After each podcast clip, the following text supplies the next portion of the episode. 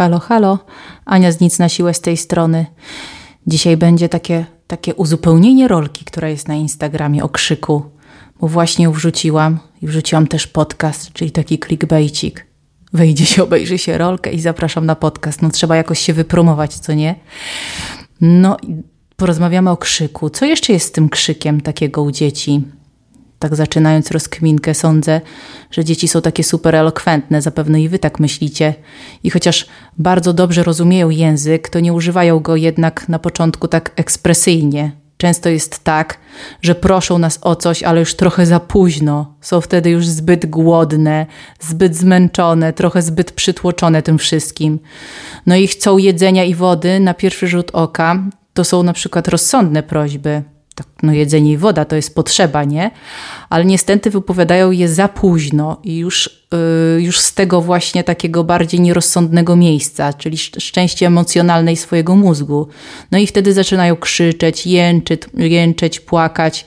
No i w takiej sytuacji ja oczywiście daję Adeli to, o co prosi, ale nie daję, i nie daję się wciągnąć w ten taki cały chaos. Trzymam własne takie tempo reagowania i rozumiem, że to jest bezpieczne dla niej. Bezpieczne jest krzyczeć i być taką rozregulowaną, do tego stopnia mieć takie załamanie. Nie reaguję intensywnie, jakby to był jakiś kryzys, pożar, który muszę ugasić. Tak więc, gdy Adela na przykład chce tej wody i nagle jest na takiej krawędzi, nie? Zaczyna płakać na przykład albo właśnie krzyczeć, że chce tej wody, no to ja wtedy odpowiadam: Wow, naprawdę chcesz tej wody, co? Już ci podaję, kochanie. Nie daje się wciągnąć w tą burzę. Ona nie potrzebuje kogoś, kto wejdzie w tą burzę razem z nią. Typu: Już, już, już, już, już, czekaj, dam ci tą wodę. I żebym była taka, wiecie, intensywna i szybka. Ona potrzebuje takiej kotwicy, która pomoże jej spokojnie z nią przejść przez tą burzę. Kogoś, kto, kto ufa, że to, co się dzieje z nią, jest w porządku, no i po prostu to minie. No i oczywiście nie możemy udawać tego spokoju, jeśli nie czujemy spokoju. Udawanie i tak nie działa. Dzieci właśnie czują, gdy udajemy. Żeby sobie pomóc, możecie ciągle przypominać sobie, że dzieci właśnie w tym wieku, tak 1-3, łatwo się przemęczają, stają się nadmiernie pobudzone, gdy są nadmiernie głodne. One tak po prostu mają. I nie oznacza to, że jesteś, jesteśmy jakimiś złymi rodzicami, nie oznacza to, że mamy jakieś złe dziecko ten krzyk to dobra rela e, re relacja i reakcja. Dzieci muszą mieć taką możliwość pójścia w te swoje ciemne miejsca, muszą, muszą się rozpaść i ponownie złożyć w całość i poczuć się lepiej, czuć się taką całością i pozbyć się tych emocji. Więc jeśli dziecko o coś prosi nagle takim krzykiem, to ja daję mu, ale w swoim tempie.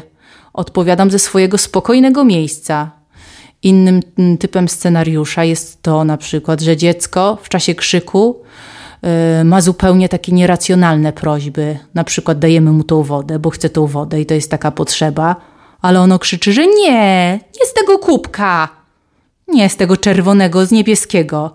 No i wtedy musimy zdać sobie sprawę, że tak naprawdę nie chodzi o ten szczegół, ten konkretny kubek. Moje dziecko wypuszcza wtedy uczucia, które ma w swoim ciele. I o to tutaj chodzi. Dlatego nie zamierzam ciągle przeskakiwać przez te, przez te obręcze razem z nim, odpowiadając na jego żądania, bo tak naprawdę nic go w tym momencie nie zadowoli w tej konkretnej chwili. W tym konkretnym momencie dziecko musi, po prostu musi czuć się tak, jak się czuje. Ja wtedy patrzę na Adelę z taką akceptacją, opuszczam ramiona, biorę sobie taki głęboki oddech, ale taki oczywiście nie taki mega zauważalny dla niej. No i wchodzę w ten swój miękki mech. Ci, którzy śledzą mnie na Instagramie, to widzieli taką rolkę, że ja sobie tak wyobrażam, że depczę po tym mchu. No i dbam o siebie właśnie i ufam temu napadowi złości. Moim zdaniem to jest najdroższa, najzdrowsza rzecz, jaka może się wydarzyć. Muszę po prostu odpuścić i zapewnić jej to bezpieczeństwo.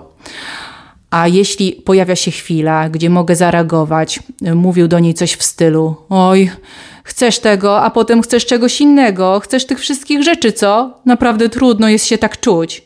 Gdzie widzę, że ona tak się miota i chce raz tą poduszkę, raz, raz tą kołdrę, a później chce koc, a później chce znów kołdrę. Po prostu uznaję to, co widzę. Widzę, że tak naprawdę nie chodzi o to. Yy, a bu i burza yy, przemija kiedy pozwalamy przez nią przejść, nie odpychamy, nie próbujemy naprawić i kiedy zrozumiemy, co naprawdę się dzieje, czyli że nasze dziecko musi się rozpaść i uwolnić wszystkie te uczucia, wtedy nie będziemy marnować naszej energii i coraz bardziej się frustro, frustrować.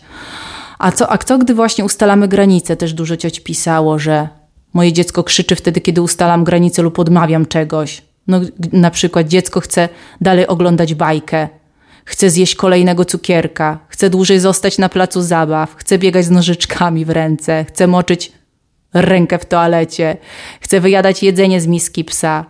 W takich przypadkach naprawdę ważne jest, aby się nie poddawać i nie podążać za tymi wymaganiami. Gdy człowiek był niemowlakiem, to wszystko było takie proste, nie? Nie starał się potwierdzać swojej władzy przy nas w ten sposób. Zdarzało się to bardzo rzadko, że tam po prostu oberwaliśmy jakimś nieskoordynowanym kopniakiem.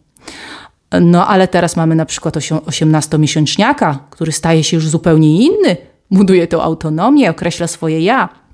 No i jeśli poddamy się dziecku, nie będziemy trzymać granic, ponieważ człowiek ciągle krzyczy i płacze, to dajemy znać, że nie czujemy się dobrze z jego emocjami, boimy się yy, tych jego uczuć. Uważamy, że nie są bezpieczni, dlatego musimy je ratować z tego miejsca. Dajemy tę wiadomość, nie zdając sobie z tego sprawy. Przekazujemy również naszemu dziecku, że jeśli będzie krzyczał wystarczająco długo, to my ustąpimy. Dlatego będzie ciągle próbował i próbował, aby zobaczyć, gdzie jest koniec tej naszej granicy. Wcześniej krzyczałem i tata przyszedł znowu układać ze mną klocki, chociaż układał te 10 minut temu. To teraz pokrzyczę tutaj i sprawdzę, czy włączył mi kolejną bajkę. Lub na przykład, wczoraj krzyczałem, to mama włączyła mi drugą bajkę, chociaż miała być tylko jedna, nie? No to dzisiaj pokrzyczę, to sprawdzę, czy mi włączył jeszcze jedną bajkę. I te, te rozkminki są takie bardzo zdrowe. Tak po prostu sprawdzają, gdzie są granice, które usta, ustalamy my. E, to nie ma nic wspólnego z manipulacją. W pewnym momencie człowiek odkryje, że się poddajemy, i to jest dla niego bardzo ciekawe, aby wciąż próbować i próbować zobaczyć, gdzie są te nasze granice. Więc w zasadzie utknął on w tym zachowaniu. Krzycząc i kontynuując krzyk, nauczyliśmy go, że coś się zmieni, jeśli to zrobi a my ulegamy, bo może czujemy się winni, że tak cierpi, krzyczy, boimy się, że jest to jakieś niezdrowe dla niego, że ma takie mocne, silne emocje. Ale prawda jest taka, że posiadanie tych rozsądnych granic i pozwalanie dziecku na wyrażanie swoich uczuć i nie wściekanie się na nie, no to to właśnie daje mu takie ogromne poczucie bezpieczeństwa. To uczy dziecko, że nawet najciemniejsze miejsca w nim są w porządku, Moi rodzice uważają, że to jest w porządku, kochają mnie bardzo mocno, że pozwalają mi y, tam się udać w te miejsca, akceptują mnie. No i życie jest pełne właśnie takich momentów, a te granice, które dajemy naszemu dziecku, które mogą wzbudzić jego uczucia, są naprawdę odpowiednie względem rozwojowym dla niego. Wiem, że na krzyk często chcemy powiedzieć: Używaj słów, nie rozumiem cię, jak krzyczysz. No ale ja nie polecam tego ponieważ jest to bardzo taka, taka, ta, tak jest to taka, taki subtelny sposób odpychania uczuć. Wiem, że chodzi nam o to, żeby dziecko wiedziało, że może prosić o różne rzeczy bez denerwowania się, ale prawda jest taka, że w takich chwilach jest zdenerwowane i musi być zdenerwowane z tego konkretnego powodu i próbując go zmusić, mówiąc po prostu powiedz o co ci chodzi, nie zamierzam cię słuchać, gdy krzyczysz, to próba sprowadzenia go do rozsądnego miejsca, w którym go po prostu nie ma i nie może go tam być, bo tak działa jego nierozwinięty jeszcze mózg. I nie rozumie w ten sposób, no fakt, powiem to po prostu i nie muszę czuć tego, co czuję. No tak to nie działa. Mały człowiek nie ma takiej samokontroli, aby móc się zatrzymać i po prostu mówić. Bezpiecznie jest właśnie ufać, że rozwinie samokontrolę tą, tą emocjonalną, a mm, sposobem, w jaki to zrobi, jest doświadczanie swoich uczuć przez cały czas i normalizowanie ich dla siebie. Poczu poczucie się bezpiecznie, odwiedzając te wszystkie miejsca, ciemne miejsca. No i Twoim zdaniem, droga ciocia i wujku, jest po prostu zaakceptować jego emocje, y, swoją mową ciała, wyrazem twarzy, słowami. Daj znać, że go słyszysz. Tak, słyszę cię, kochanie. Daj podzielić się dziecku tą historią o swoim dniu, o swoich uczuciach, a może coś wydarzyło się w żłobku, przedszkolu i to właśnie w ten sposób wychodzi z niego. Taka relacja właśnie rozładuje to wszystko, więc to jest bardzo zdrowe. Tego właśnie chcemy. I nie mówię, że jest to łatwe ale warto właśnie próbować. I mam nadzieję, że pomogłam trochę inaczej spojrzeć na ten krzyk waszego człowieka. Wpadajcie właśnie na profil Nic na Siłę, aby zobaczyć rolkę o krzyku.